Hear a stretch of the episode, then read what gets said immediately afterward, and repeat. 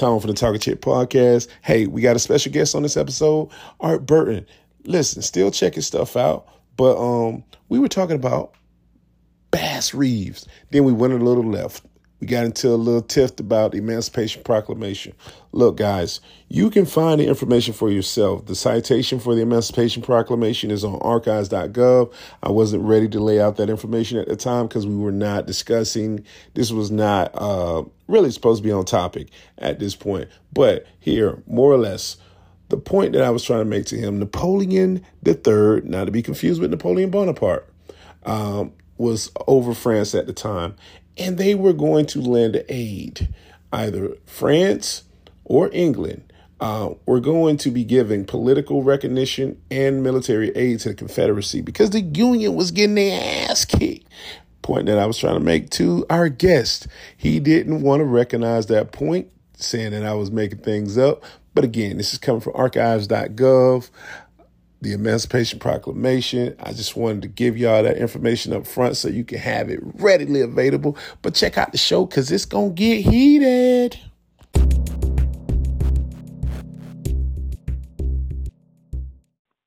Tom from the Talk Talking Chit podcast. This is myself and Hayden this morning, and we got a very special guest. Uh, and first and foremost, you know, everybody's interested in Bass Reeves. Bass Reeves. That's right. So we have uh, a, a, historian here with over 35 years of, uh, of, of educational experience or teaching experience in the collegiate levels. Uh, Mr. Art Burton, an accomplished musician as well, and a published author of over 13 books, to my understanding. He is considered to be a subject matter expert in the historical aspects or findings of Mr.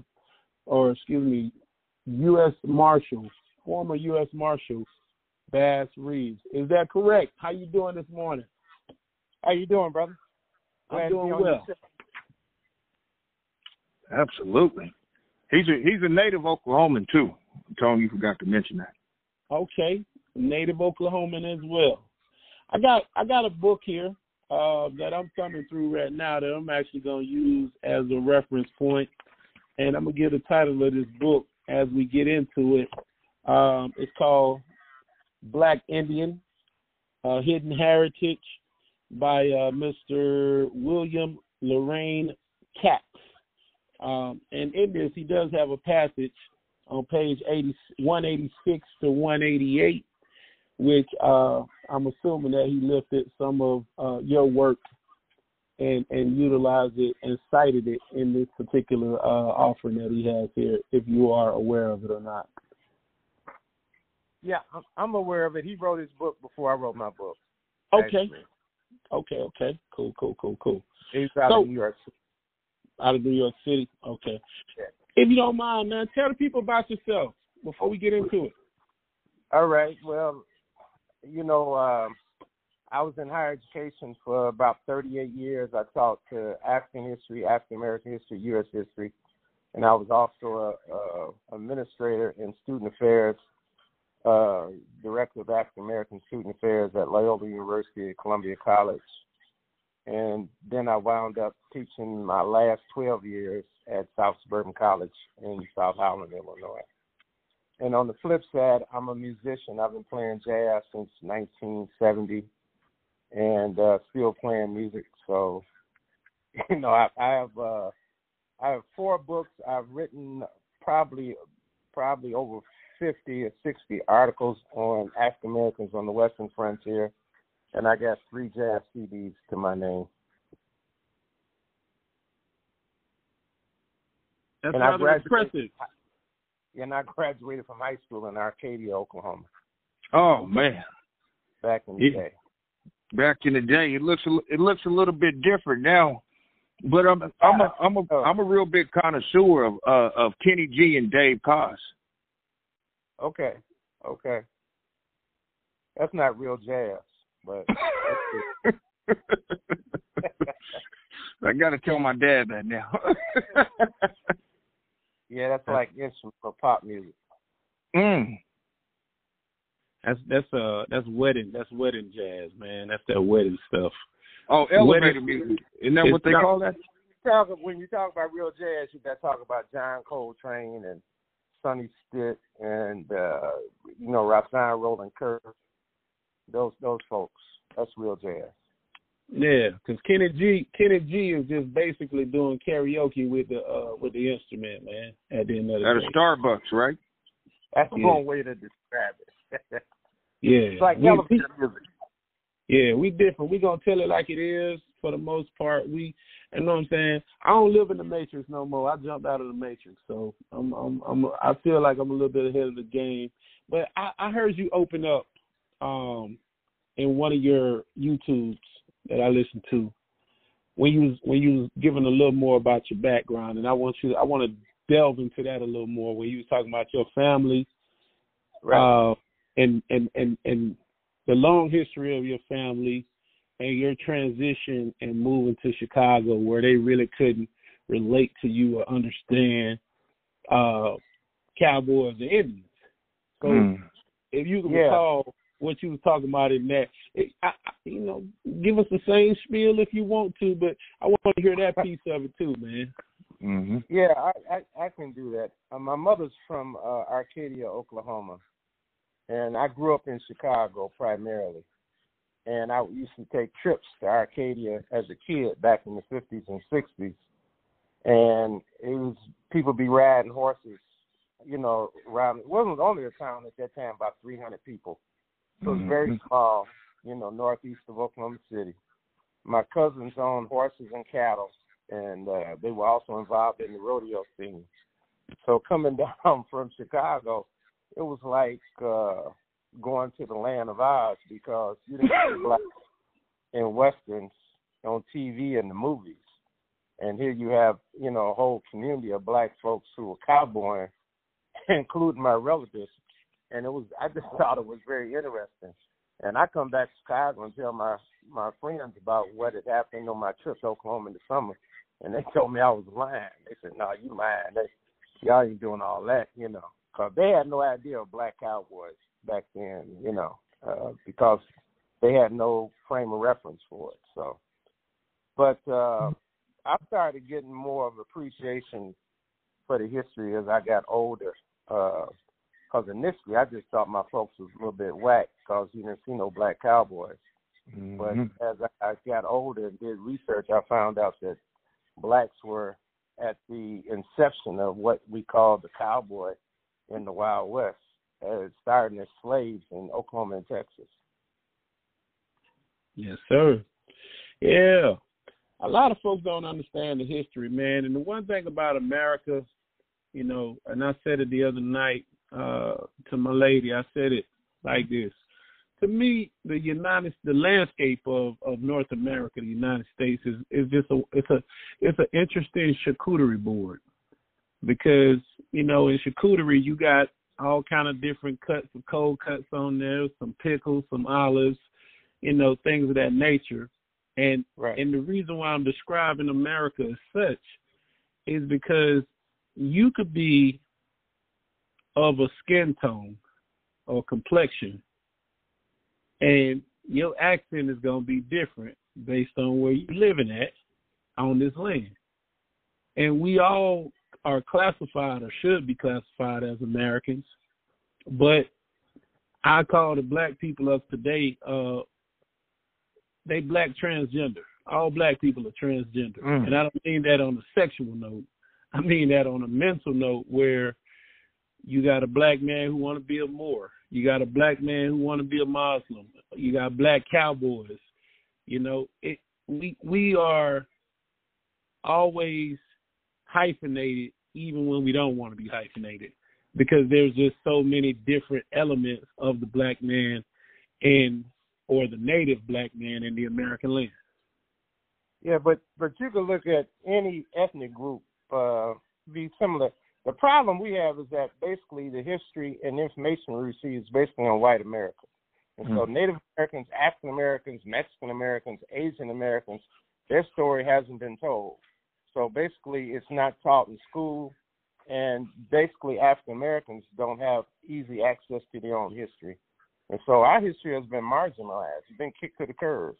And so you really don't appreciate yourself until you know your history.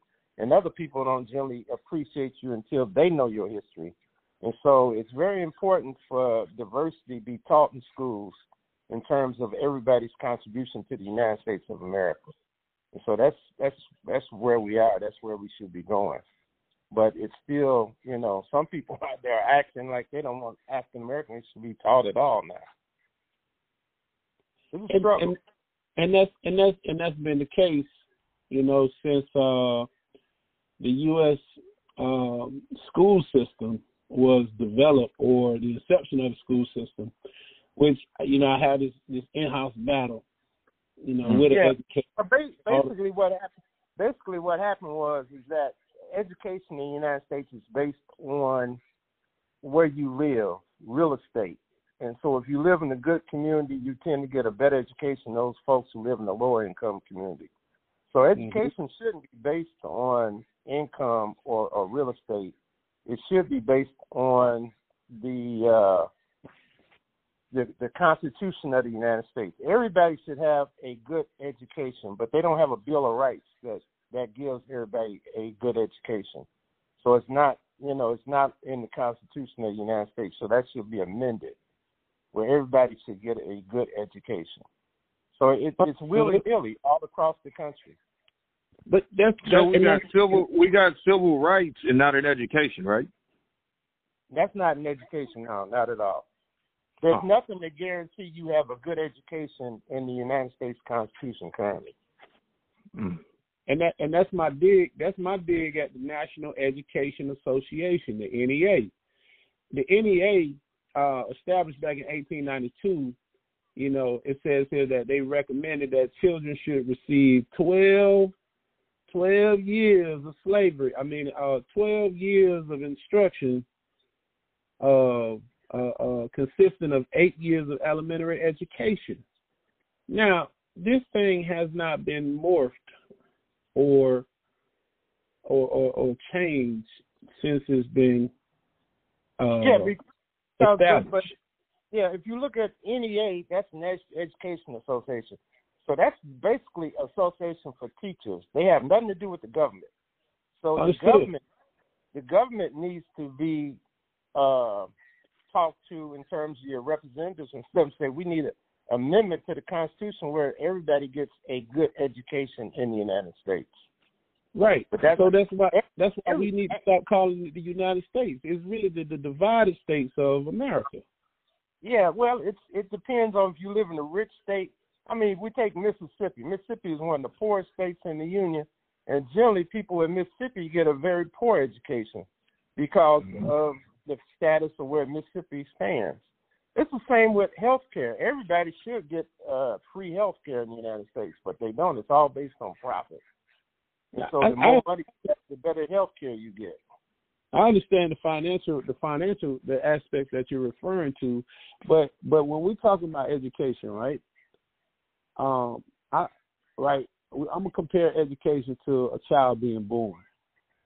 If all medical practices are uniform or are, are uniform by a board of regents across America, and you're gonna cut and bring this baby into this world the same, shouldn't we all be teaching these children the same relevant information across the board from all 50 states? Yeah, we should, but I said there's there's nothing in the U.S. Constitution that says they have to do it. Everything reverts back to the states. So every state has a different educational system in the United States in terms of how education is going to be handed out to the public. Right.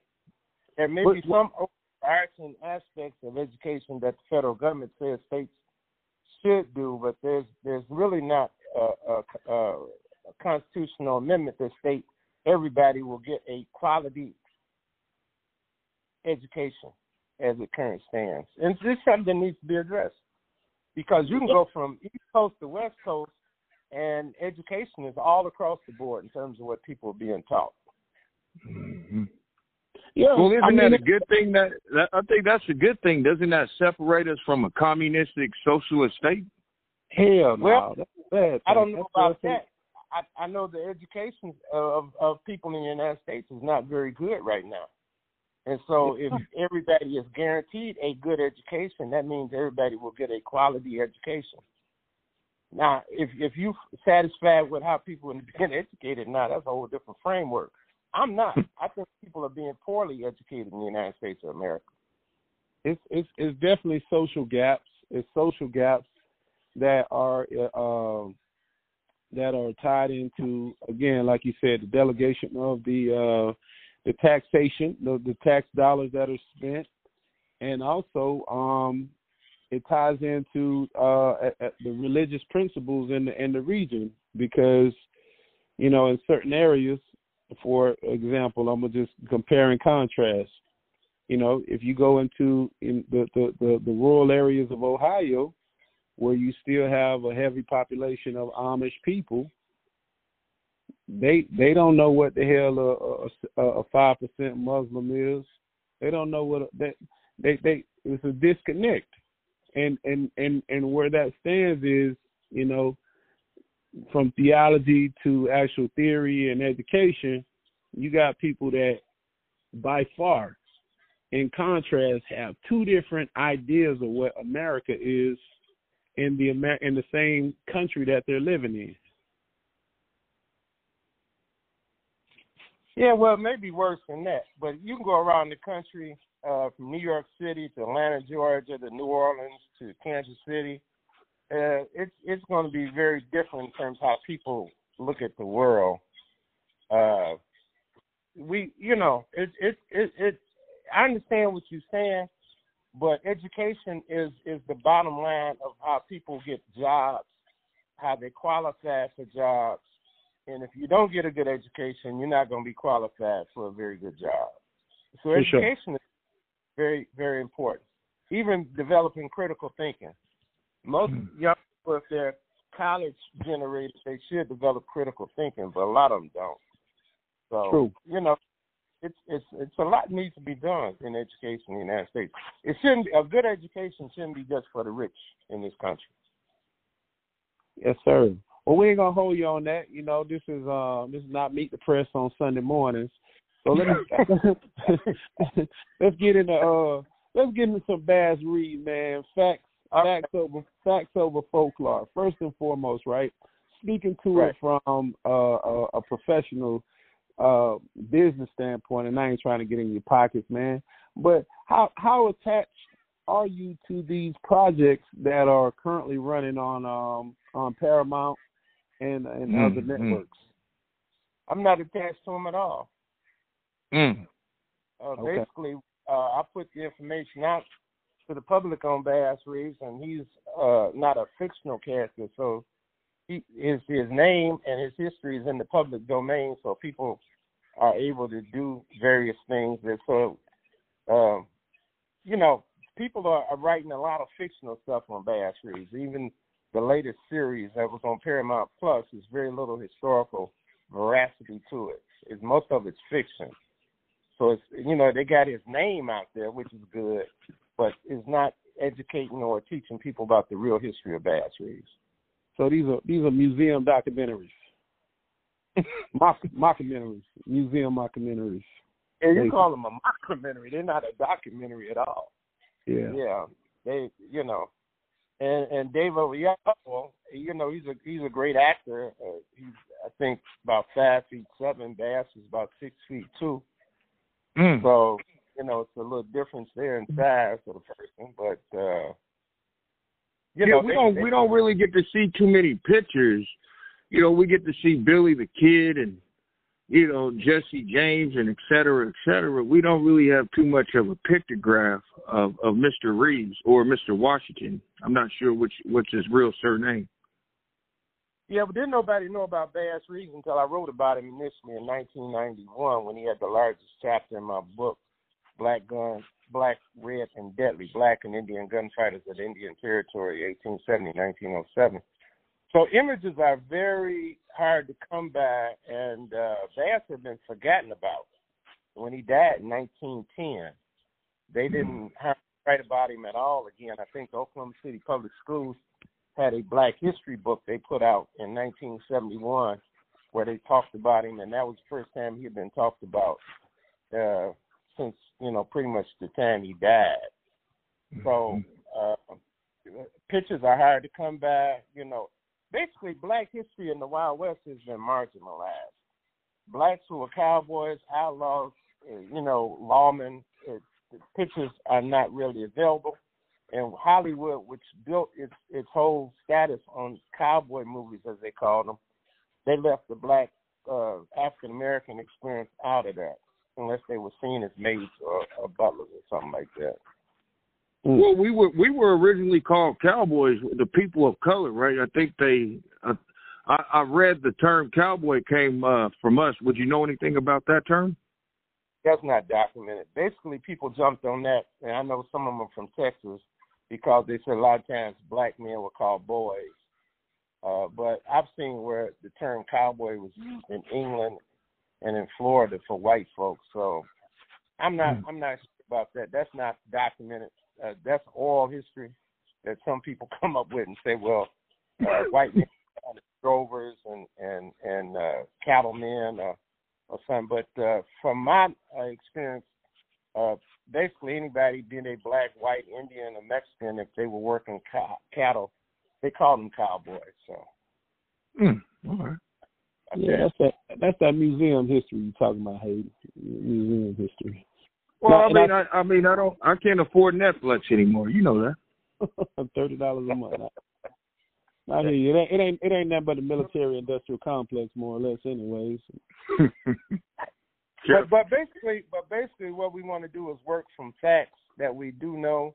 We do know that when cattle was driven from Texas to Kansas and Nebraska, at least all the trail cowboys were uh, at least one fifth black. Uh, mm. And if you include Mexicans, it probably is one fourth of uh, the cowboys of uh, color that was trailing the cattle on, on the cattle drives. Mm-hmm. That came so through what, Oklahoma regular basis. So what what was what was okay? We know he was a deputy, but and, and we talking about the cattle and stuff right now. What in your findings, your research, what really was Bass Reeves' role with, or or what was he policing? Let me just put it that way. Okay, uh, Bass Reeves was six feet two, 190 pounds. He was a former slave out of Texas. He was illiterate. He couldn't read or write. And mm. so he fought in the Civil War with the Union Indians against the Confederates. And that was at the time he learned to speak the various Indian languages and he was able to become an expert with pistol and rifle. And he learned the lay of the land. Then after the Civil War, he served as a scout and a guide for deputy marshals working out of Arkansas because Arkansas, the Western District, had the whole Oklahoma as we know it today to cover. And so Bass in 1875 received a commission as a deputy U.S. Marshal. He wasn't the first African American. There was a few before him, but he started in 75. Judge Isaac C. Parker took over the Fort Smith Federal Court in 1875. And so Bass at that time would work out of Fort Smith. He'd go west to Fort Sill, north to Fort Reno, and sometimes as far north as Fort Supply up near the Kansas border. Then they would go all the way back to Fort Smith. They would take uh, a postman or two. They take a cook. They take a guard. They take a wagon or two wagons uh, use as their base station. And uh, they would work from their base station to arrest felons and the felons they arrested, for the most part, were shackled ankle to ankle, and they would have to walk all the way back to Fort Smith. Mm. This caravan that these deputy marshals put together. Bass became famous because he could he could not read and write, but he would have somebody read the warrants he had off to him, and he would memorize the warrants, the name of the person, and what the warrant was for. And never in his 32 years as a deputy marshal did he bring in the wrong outlaw because he brought the wrong person in due to the fact that he was illiterate. So it's so it sounds like he was he was Django. No, he was bigger than Django. Mm. Bass Reeves was the greatest frontier hero in the United States history. Period. If you got so he just wasn't he just wasn't rounding up guys who stole horses, right? No, no. He he arrested people for rape, for murder, for selling bootleg whiskey, for stealing cattle, for stealing horses, for uh, assaulting people. Uh, you know, it, it was a wide range of things. Uh, human trafficking, he had to deal with that. Uh, he dealt with a, anything that was a federal crime. He dealt with mm-hmm. it and he was arresting people, be they black, white, or Indian. That even his own son. Yeah, he arrested his own son. Well, he arrested his own minister that baptized him for selling bootleg. Sorry. And and he, he, his main weapon was a Winchester rifle, and we have uh, comments from a couple of occasions where he shot people at a quarter of a mile in gunfights and such. So he could shoot. He could really shoot a, a weapon. He probably was the greatest gunfighter in the Wild West. Several newspapers stated at the time he died that he had killed over 20 people in the line of duty. But he didn't. He didn't like to brag about killing people. He he liked to brag about his ability to arrest folks, and he arrested probably upwards of 4,000 people during his career. Just hmm. astronomical mm. folks. Where most deputies was bringing back three and four outlaws at a time, Bass would bring back 12, 15, 17 at a time. And he did that on a regular basis.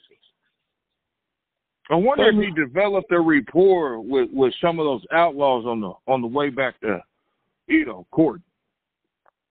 No, he didn't develop no rapport with them. They were fearful of him. Bass was like the boogeyman to outlaws in the territory. Hmm. He didn't he didn't stand for no foolishness and he he worked in disguise a lot to catch people he was after. He would disguise himself as a preacher, as a farmer, as a cowboy, you know, the hobo, whatever he had to do to get next to people he was trying to catch. No, no Tyler Perry stuff, right? No Madea. no, do no Madea, far as I know. I'm just trying to make sure. Yeah, that's okay. That's okay. But he, he was the, probably the best, baddest cat you ever heard of in your life that exists. What is, what is, what is the what is the uh, most uh, infamous criminal that he brought in? Oh well, it was it was quite a few, but probably it was a, it was a Seminole Indian that called Greenleaf, and Greenleaf had hmm. been on the run for 17 years. Nobody was able to catch him. He had killed, uh, I believe it was at least three white men and four Indians and uh, Bass captured him and brought him in. Most of the outlaws in Indian Territory, people know nothing about. Uh, period. And there were some bad outlaws. Probably the worst in in the Wild West was in the Indian Territory. King Barry. The most famous outlaw was Cherokee Bill, who was a black outlaw. He stuck up trains, banks, and stagecoaches in the Indian Territory. Hmm. I mean, but I mean, when we say Indian territory, all of Oklahoma was Indian. Yeah, no. The, the, when Andrew Jackson forced the Indians from the South to what is now Oklahoma, the federal government started calling what is now Oklahoma the Indian Territory. And right. then after the Civil War, and that was that was set aside principally for the Cherokee, Choctaw, Chickasaw Creek, and Seminole. But because some of those Indians fought for the Confederacy during the Civil War, the United States government took away half of the Indian territory, and the western portion was used for uh, Indian reservations for the Comanche and the Kiowa and the Cheyenne and the Arapaho and the Apache in the west. And then in 1890, after they opened the land up in 1889, that portion of uh, the Indian territory became known as Oklahoma Territory. Hmm you know, we had like seven different land runs, right? Seven different land runs, correct. Open up. That was all of them after 1889. Mm-hmm. So we talking about money. We talking about education. We talking about Bass Reeves. And we go what we go with uh what's right and what's wrong. I understand people get conquered, nations conquered, kingdoms conquered, land conquered do you feel that some of this land need to be handed back over to the rightful owners? No, that will never happen because what what what happened the when the Europeans first came to North America, there was 25 million indigenous folks here in the United States. Not not, not, not a handful of them, like they try to say with the Pilgrim and Indian story, right? I was 20 about 25 million in North America between Canada, United States, and Mexico. But we know for a fact by 1900 there was only 100,000 Native Americans left. Mm. So that's that's known as genocide. So the the status of the country is in the position it, it will never give this land we live back to the Indians. The Indians are not part of this land we live on. Now what happened was not was not good, you know, looking at it from a historical standpoint. And it's called Australia, United States, and Canada are called settler colonies. And settler mm-hmm. colonies is where the indigenous population is is uh, faced with genocide, and that's happening in Australia, Canada, and the United States. And so that's the history, and you need to understand the history. But nothing is going to be given back to anybody going forward. We just have to deal with it, learn from it, and try to do the best we can as human beings. Well, some some uh, black people did get 40 acres in the middle in Oklahoma. Uh, well, the only black folks that got well, what when the land run opened up, that was free land in '89.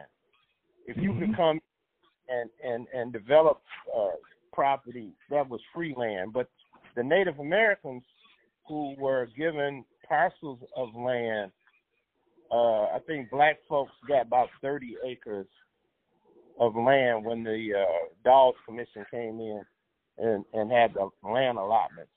And so the Indian freedmen, as the former blacks who had been enslaved to Native Americans were called, were given 30 acres, and I think the Indians were given 60 acres of allotment.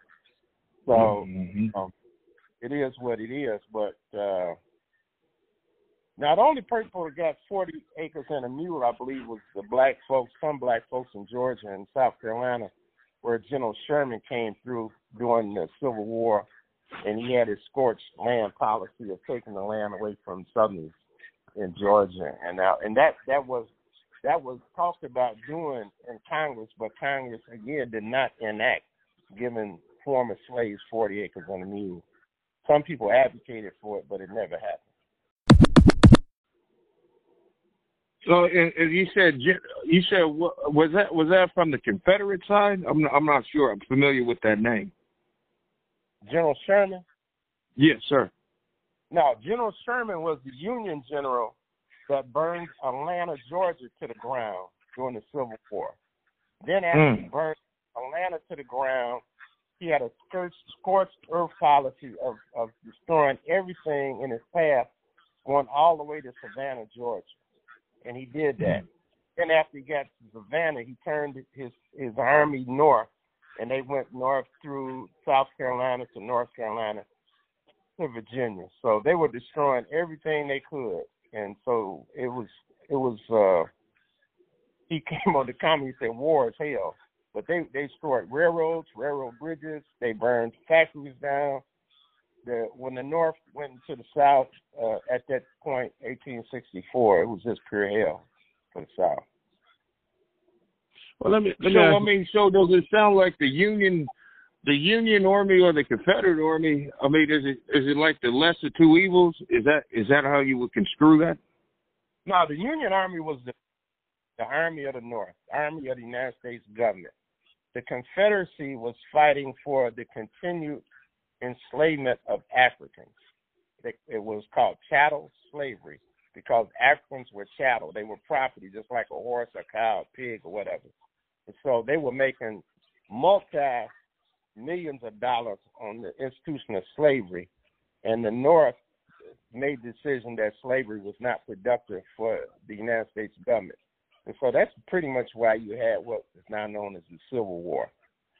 Mm-hmm. And after the war got started, there was about 225,000 black men that was in the U.S. Army and the Navy during the war. And so blacks helped the with the cause of the North defeating the South during the war.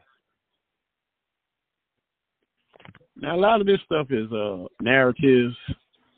Uh everybody got their viewpoint of it. I've I've listened to uh, a lot of audio books and uh yeah. that that have given their historical viewpoints of it. One of the one of the one of the most critical books that I've listened to was uh talk what it, it spoke about the uh the Civil War and the way that you describe it it's a little bit different because more so these blacks were brought into action because white folks that were here or excuse me Europeans that had defected and came over to America realized that they were going to either lose their life or going to have to kill their own and they just didn't want to be bothered. They were buying their way out. They were selling land and they were trading slaves to, to, to put them on the front line to fight for the country, um, as it was disclosed in one of these books. And I, it, it, it's just interesting to me that uh, African American history was uh, most of our stuff was uh, designated by federal government, uh, hatched by white people, and uh, kind of twist and taught by the fair man of the land. And when you really dig deep into a lot of this stuff, in contrast and contrary, you find out that a lot of it was lies because there ain't no way we can burn up, tear up, and rebuild a country as fast as we did.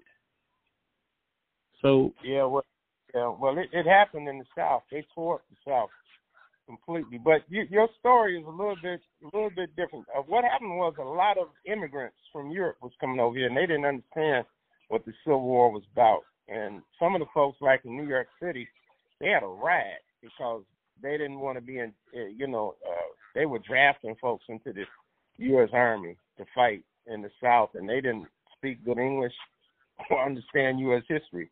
But what happened was that people in the South they they used blacks as laborers, and so a lot of times, if a rich white man in the South could send some blacks to the Confederate Army to be used as laborers, he would do that, and he wouldn't be inducted into the Confederate Army. correct. That, that was the aspect of that. Blacks wasn't fighting for the Confederacy at all. And so the blacks who left, see, Abraham Lincoln did the Emancipation Proclamation to weaken the Confederate Army because he knew a lot of blacks were being used as laborers.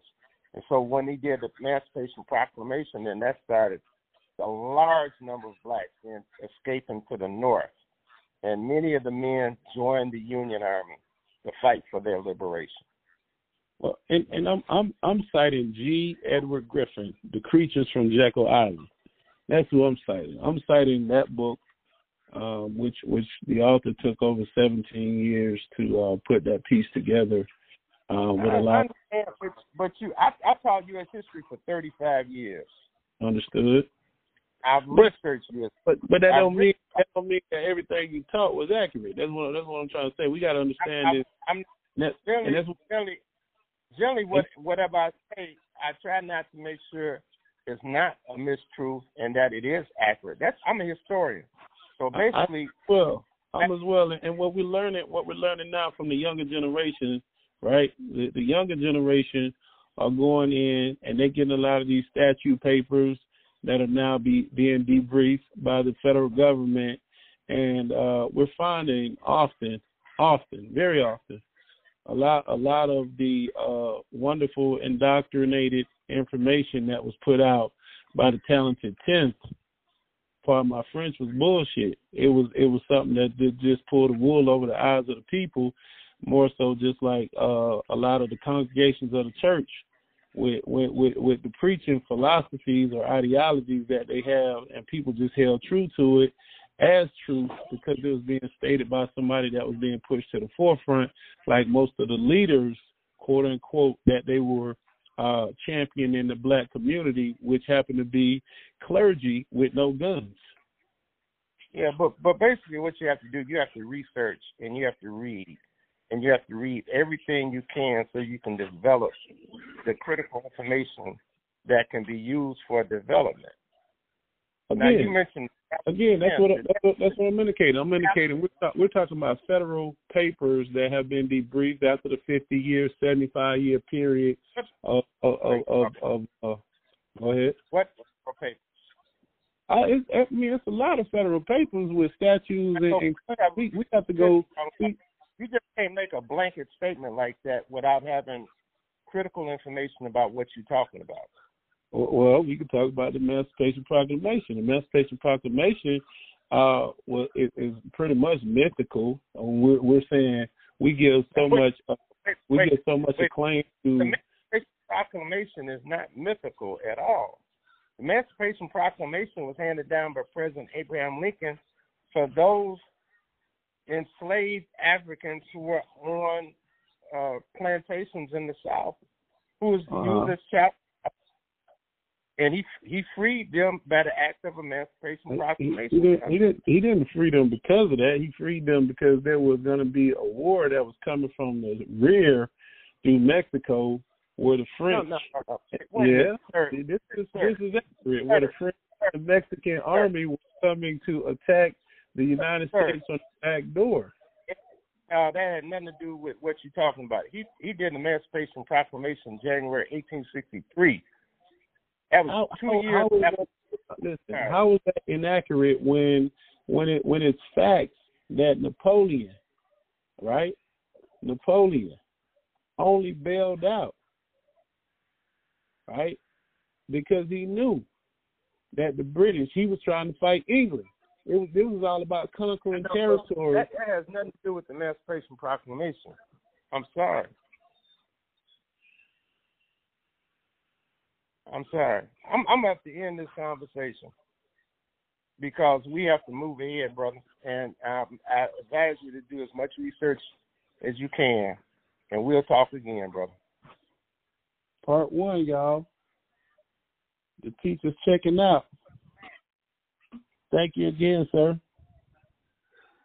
Hey, he, he and hey, did we get it on tape? I'm good the checking out, man. This is where hey, we, we got this, is, and this is where we will we will always land in the black community. A person who has been gone through indoctrination, getting degrees, going to school, and feel that they have more insight than someone else. They want to stand on the fact of their education as being gold, a gold bar that they can wear on their sleeve, and no one can tell them anything else. They can't re- have a respectable debate with someone else. They can't take permissible information from someone else. And again, I'm going to go back and I'm going to say this, and I'm going to be very clear. Go and research The Creature from Jekyll Island by G. Edward Griffin. Cross reference his reference points in the books that were very specific about the Emancipation Proclamation with Abraham Lincoln and the reason why the war was being fought at that time. Again, I'm going I'm going based on what the author said. The author is indicating that he put over 17 years of research into his work in order to come up with these theories that he Well, I mean, I think I think we all, I think there when there was W. E. B. Du Bois. Uh, I don't know if I'm pronouncing his last name right. I'm horrible with French, but uh, but then there was Book, Booker T. Washington too, counterparts. Yeah, he wasn't W. Du Bois. He he was something Bogart. But anyways, again, th- th- and this is where we're at. It's all flim flam.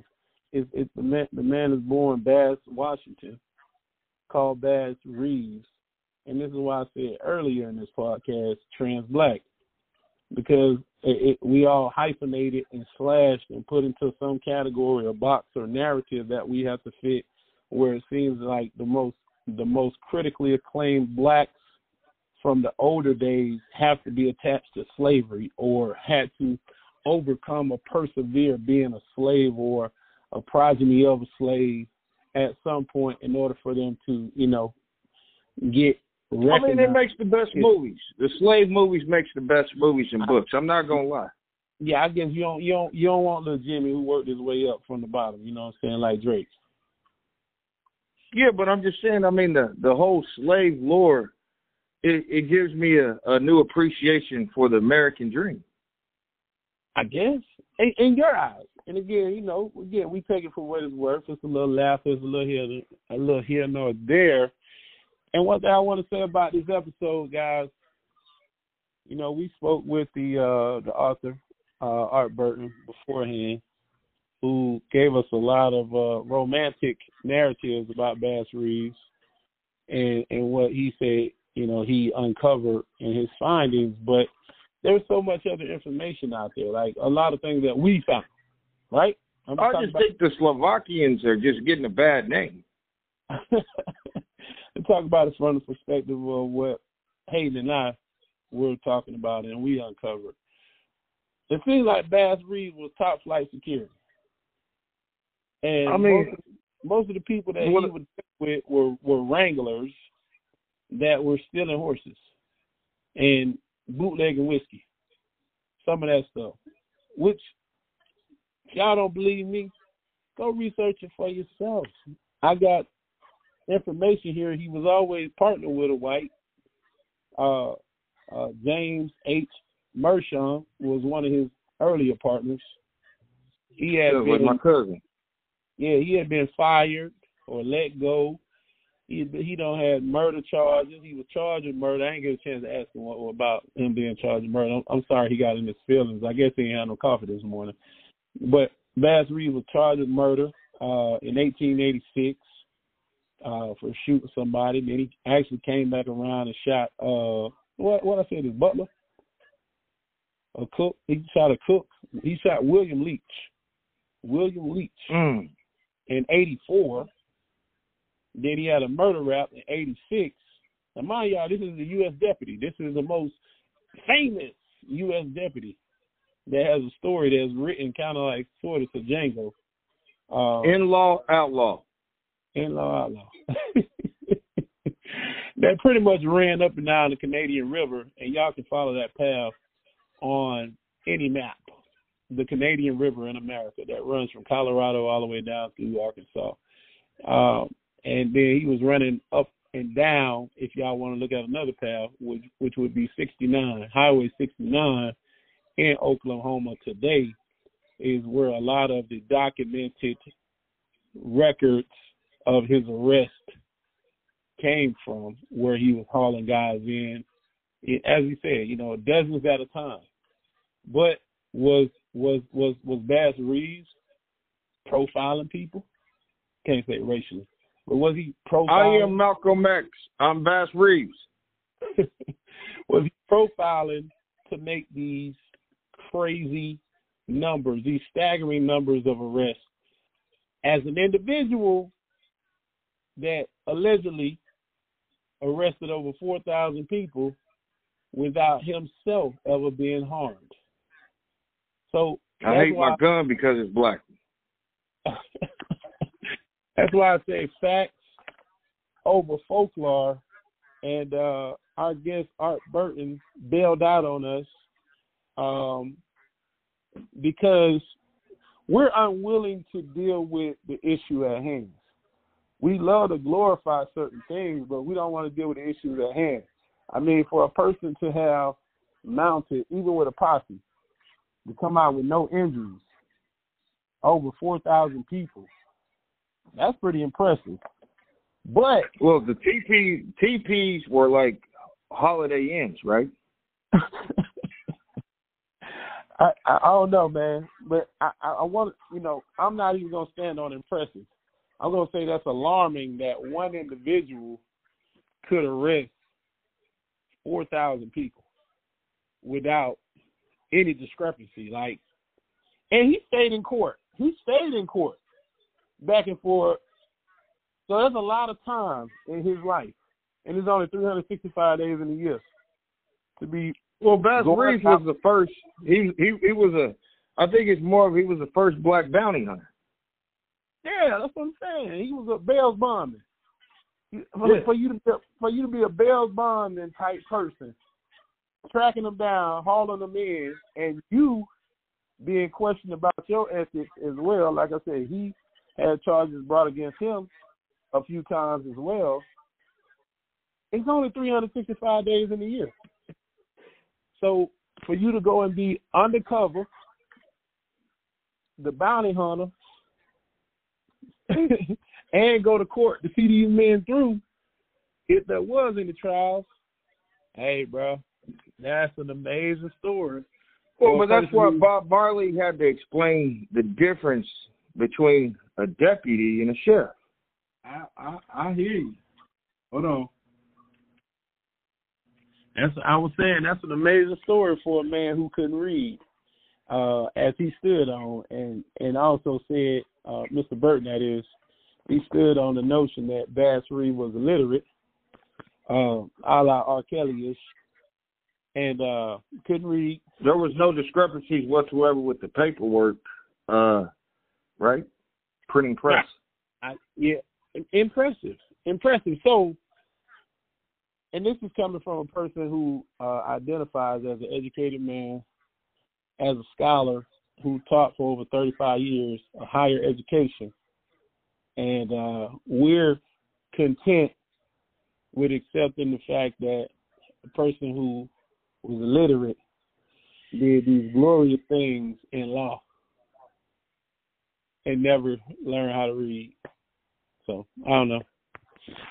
I mean, uh, it's just, it's a, it's one of those you have to walk by faith, not necessarily by sight.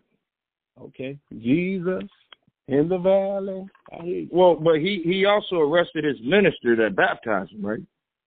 Hey, hey, hey. That's what he said. That's what he said. But I, I don't know. I, but I, I, thought it was very informative, though. I mean, I, I uh, like uh, I thought it was informative. I thought it was very uh down to earth. I, I mean, I listen. Hey, listen, listen. We did an episode on uh museums, uh dinosaurs, and uh we just uh went through a whole uh inglorious tale about uh an American black dinosaur, Bass Reeves. So I mean, so what do you, I guess what what is your fundamental stance? Are, are you are you trying to tell me? Are you basically saying Bass Washington Reeves is no different than Christopher Reeves, or what are you trying to say? Uh, no different than Santa Claus. Yeah. Because so, what am I gonna do with all these books, bro? You look at it like this: when you have people who from a, a expertise standpoint. My word ain't the law. no pun, Bass Reeves. His word ain't the law. Art Burton. Uh, but you want to stand on yours bigger than I can stand on mine to the point where you bow out. I can't respect it. I, it looks it looks it looks real foggy to me because just because people say God is coming, hey, it's folks that don't been birthed and died, still waiting for him to come. Two thousand years well, later. Is there, so there's a difference between debunked and critical thinking, right? Yes, sir. Yeah, I mean, and it's, it's also a difference between truth and narrative. And a lot yeah, but I mean, the problem is, is I want to believe like, and, and, and you're not really helping that out. Okay. Well, here we go. Chronicle, right? Bass Reeves. Mm-hmm. Chronicle Bass Reeves, born in 1838. Said he was a, a, a, in bondage up until he was 37 years old. So you add that to the equation of 1838. You get your number. Not to not to uh, hold you up, but what was the average lifespan of a of an American in those days? I, I don't I don't know what the life expectancy was at that time, but I'm I'm just saying, right here we go. About 33, 34 years old. Good luck with that one, right? I, I, he he was knocking them off. Bass Reeves, that is, he was knocking them off. He was killing them, bringing them in. Yeah, he might not want to glorify, but I mean, a fact of the matter was it did happen. They did kill people uh, as they were trying to apprehend them, and uh, whatever their age was, it, it is what it is. But Bass Reeves was born in 1838. 1875 would have been around the time that he would have been a freedman, uh, uh, allegedly. At that, well, I guess if we go with the Emancipation Proclamation, should have been earlier. Took two years, but it took a couple of years for that information to trickle down, right? That Yeah. you're free. that part, but I mean, again, he he was free none nonetheless, but he didn't kick on the scene technically as a marshal until I want to say 80, 81, somewhere in that area, where they start chronicling this man. I'm talking about hardcore facts, and I'm not saying that the newspaper is the facts. I'm saying he's being chronicled and written about where you can actually find some blot of somebody making a note of what he did in history, quote unquote. That started in uh, first sightings that was recognizable was about 18, and I'm giving you what I got as a fact. Bass Reeves, first article, maybe 1884. So that meant with four thousand prisoners, he was a first uh millionaire, right? Yeah, okay. So he couldn't pay his own bail bond when he got when he got arrested for murder. Uh, he had three psoriasis, uh, three thousand dollar bond. That's that's a fact. So eighteen eighty four, and he died in nineteen ten. That would that would be twenty six years, give or take. But they said he had a storied career of maybe what thirty two years as a whatever he did, whatever he did as a lawman. Numbers still ain't mathing, but I'm gonna let it be. This is what I'm talking I mean, about. It's, you you can't be a subject matter expert talking about critical thinking, and when someone questions you because your logic or timelines are different, you want to ball up the paper and, and run out the room. all this color purple stuff has just got everybody in the black community at odds with each other. at odds. At odds. And I'm not. This this isn't slander. I'm not. I'm not trying to slander him. I'm just speaking on on, on the engagement of uh, of of a fun, spirited podcast that we were trying to entertain this uh, guy who does a lot of sharing or resharing of information about Bass Reed. Uh, as as I said, he was cited. His work was cited in someone else's book. Uh, it's entitled Black Indians here. He was put in there. He said he he knows who uh, William Loren Katz is. Um, this is this is his book, and uh, they Mr. Katz gave him about three pages to use some of the information about Bass Reeves that uh, he allegedly wrangled together because he said the state of Oklahoma didn't have no written information on Bass Reeves before he started writing about it. kind of find that hard to believe since I'm finding information written uh 1877 was I'm sorry 1884 85 86 89 91 92 1901 1903 1906 so I, I don't know That's a lot of I- ink. yeah, I'm, I, so I mean, I'm calling bullshit, Mr. Burton, for the most part, because I've done my research too. Respectfully. Res- hey, res- always respectfully, man. I'm not trying to put the man down. I'm just, like I said, we talking facts. If you want to go factoids, I'm literally reading back what a journalist published. Whether it's true, I don't control that aspect of it. Neither does Mr. Burton. But the fact of the matter is what was recorded and giving Bass Reeves his proper title as U.S. Marshal or U.S. Deputy for the work that he was doing at the time, I'm merely reading what is already there. So neither me, neither myself or Mr. Burton could go back and recreate this or reproduce this. We're just the benefactors of time, you know, from being able to go back and research recorded information. Well, that's what the that's what the time machines versus his story historically, right? Michael J. Fox, baby, Back to the Future, yeah. Back to the Future, and and and then um, you know, ideology versus you know implementation or you know education. Uh, we, I mean, the civil rights era is is still being held on to uh, dearly. It is, man, and it's not going to go away because you know people like, uh, forgive me, you know, Mr. Burton.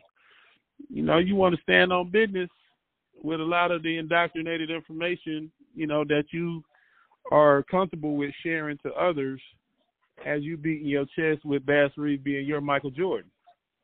It's all good. He's my Michael Jordan too. I mean, I ain't never seen a black man on a horse like that. He kind of reminds me of Nat Turner. I ain't never seen Bass Reeves on a horse. Oh.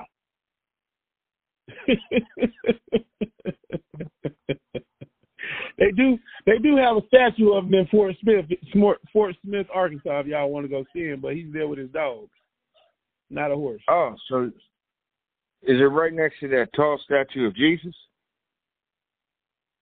To each his own, brother. To each his own. But hey, I ain't gonna hold you, man. Interesting. Uh, I, I mean, I really, I really appreciate it. Uh, you know, the uh, ba- baby boomers. Well, that we did a previous episode on them. Um, and like I said, it's the these are the people that sent us to school, but you know, uh, being too smart uh, in interjecting uh, one's opinion is is I think that's the a lost craft uh, between the two ages. Hey, my grandma said it to me the other day. You ain't always got to say it, but we got to say it because we got to stop. We got to stop this. You guys are pandering bullshit. Y'all are pandering right. bullshit, and y'all still want right. us to live up to this this standard of being a yesum. Yeah, but I actually wish they would bring that yesum back, man. I mean, that's kind of makes me want to eat pancakes and syrup. Yeah, I, I guess pearl meal. Per, per, I mean, you sound you sound like you're kind of down about this, brother. Like, I mean, I'm not. Uh, I don't. I don't understand. About no pearl meal. Down about what? I mean, I, I don't know. It seems like you. I feel like you lost a hero today. Who? You. What hero? What hero? Bass Reeves. Ah, I ain't never. I I would never patronize him. I'm in. I'm so now you start. Well, now you're starting to sound like a Seminole. I'm entertaining my guests. I, I never, I never, I never patronized Bass Reeves. You know, a lot of this stuff, man. Like I said, once you start delving into it and you start reading different things and listening to different, different uh, dogma, uh, different narratives, uh, as collectives, uh, whatever genre that they want to put it in, whatever box they would love to put it in, whether it's American history, African American history, etc. You're gonna you're gonna find that a lot of things that you were that you thought were accurate were inaccurate. You know what I mean? We didn't even talk to him about Martin Luther King Jr. We didn't take it there. You know, uh, that was a question that I know you wanted to inquire about or at least bring up to him. Uh, that's a point. That's a speaking point that you wanted to bring up to him. And uh, like I said, it's just it, it, it's very becoming now seeing uh, so many of our elders. Um, it's, it's, I want to say it's like they're losing their minds because when I say statues and he says a general blanket statement, well, all you gotta do is go to uh, uh, U.S. You know, I'm just I'm just I'm giving the website U.S. U.S.gov. U.S.gov. If you want to look up any federal statute that has come across or bill, any fed in any federal bill that has been enacted, you're going to read through the long form of the federal bill, and it's going to give you the breakdown of this and that. And shout out to TikTok I'm, I'm, I'm trying. I'm trying. I'm trying to give a, a quick synopsis. Shout out to a lot of the TikTok investigators. Many are wrong. Let me start by saying that. Many of them put out conflicting or misinformation. But that's because of hearsay. And so what they do is they create a litany a litany a trail of questionable people that want to go back and research what they're hearing on TikTok. And a lot of people go back and cross reference this stuff that's being brought out on TikTok. And a lot of people uncover truths or untruths in these same federal documents that I'm talking about.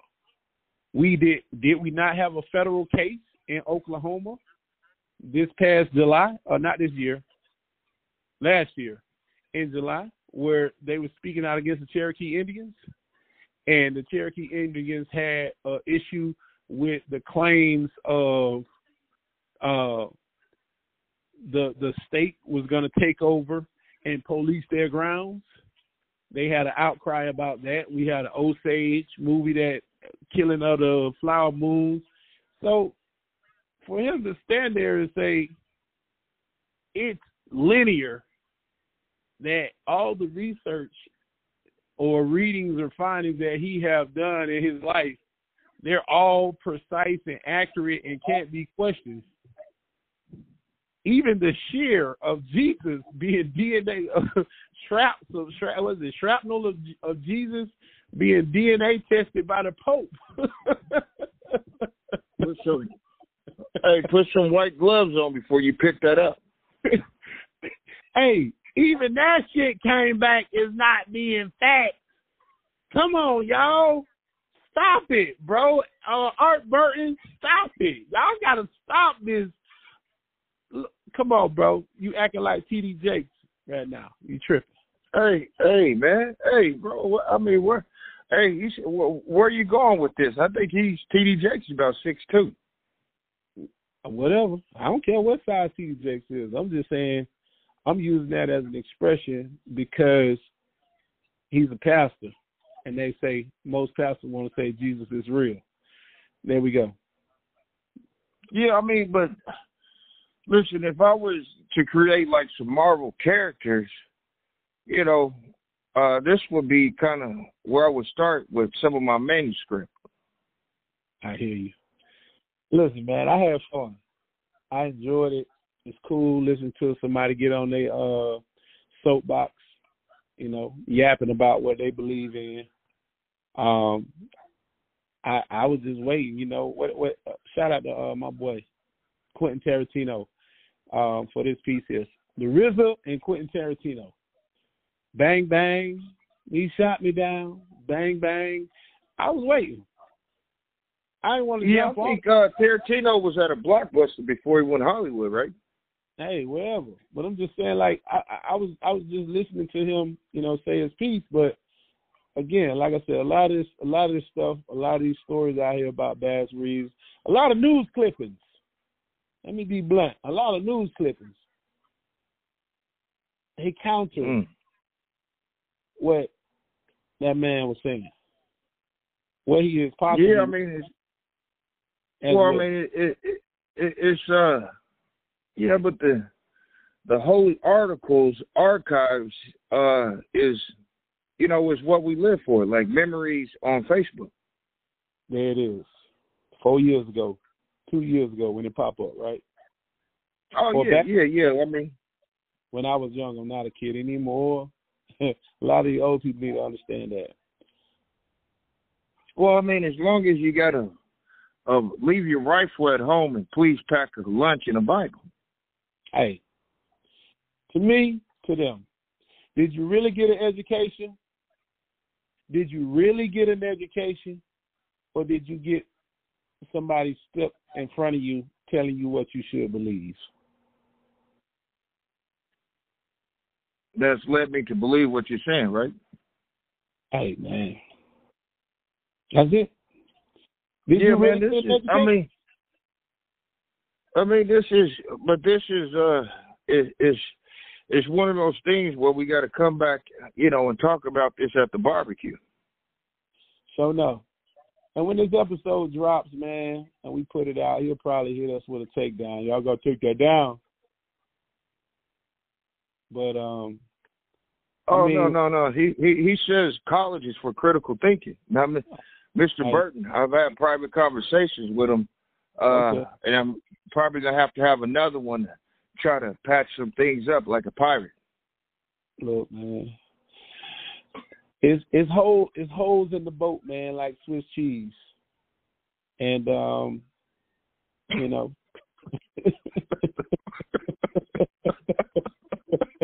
now we watching Tom and Jerry. What the No. hell is going on?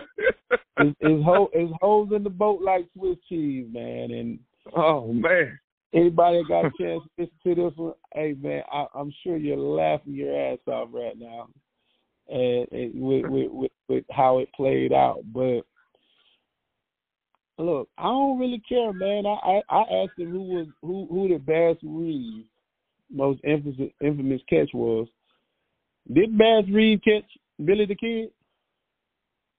Oh damn, are you serious? That that's what I read. Oh, so oh, and then he also, I really kind of wanted to get into uh King Barry.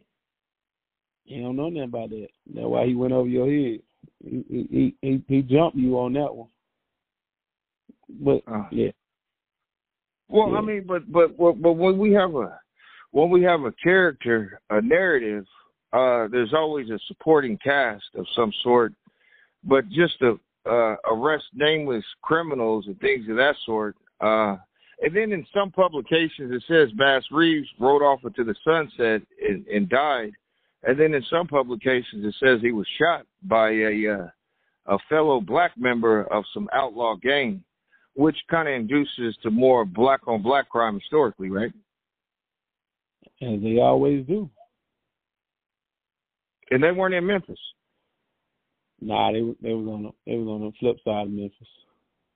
Yeah. yeah. Uh Man, you should have just stayed with Dr. King. Damn.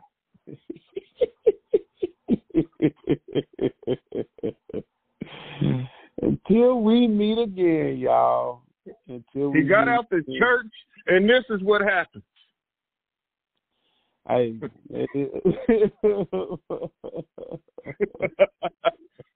yeah, man, I'm about to go fill out my Democrat card now. This is bullshit, bro. I'm serious, man. Hold on, man. Let me get this story straight before we get out of here. In December, Sheriff Pat Garrett arrested Billy the Kid in Stinking Springs, New Mexico. A few months later, outlaws found guilty on Brady and sentenced him to death. Uh, July was it 1881? Okay, so there was somebody else on that. So there was another Billy that came along. It was Billy Cully, Billy Cully, not Billy the Kid. But Bass Reeves got Billy Cully, not Billy. Oh man, Kid. that's my that's my cousin. But look, look, leave, look. See what see what I'm saying? Quick research. I just wanted to cross reference before we get out of here because uh, I want to clean up uh, two other two other things. It's not Geno Smith in the previous episode from the 2023 wrap up. It's Geno Jennings. Geno Jennings out of Philadelphia. We we made that mistake there. And it was one other thing we said uh, on the, uh, or at least I co-signed on or said it on the last show.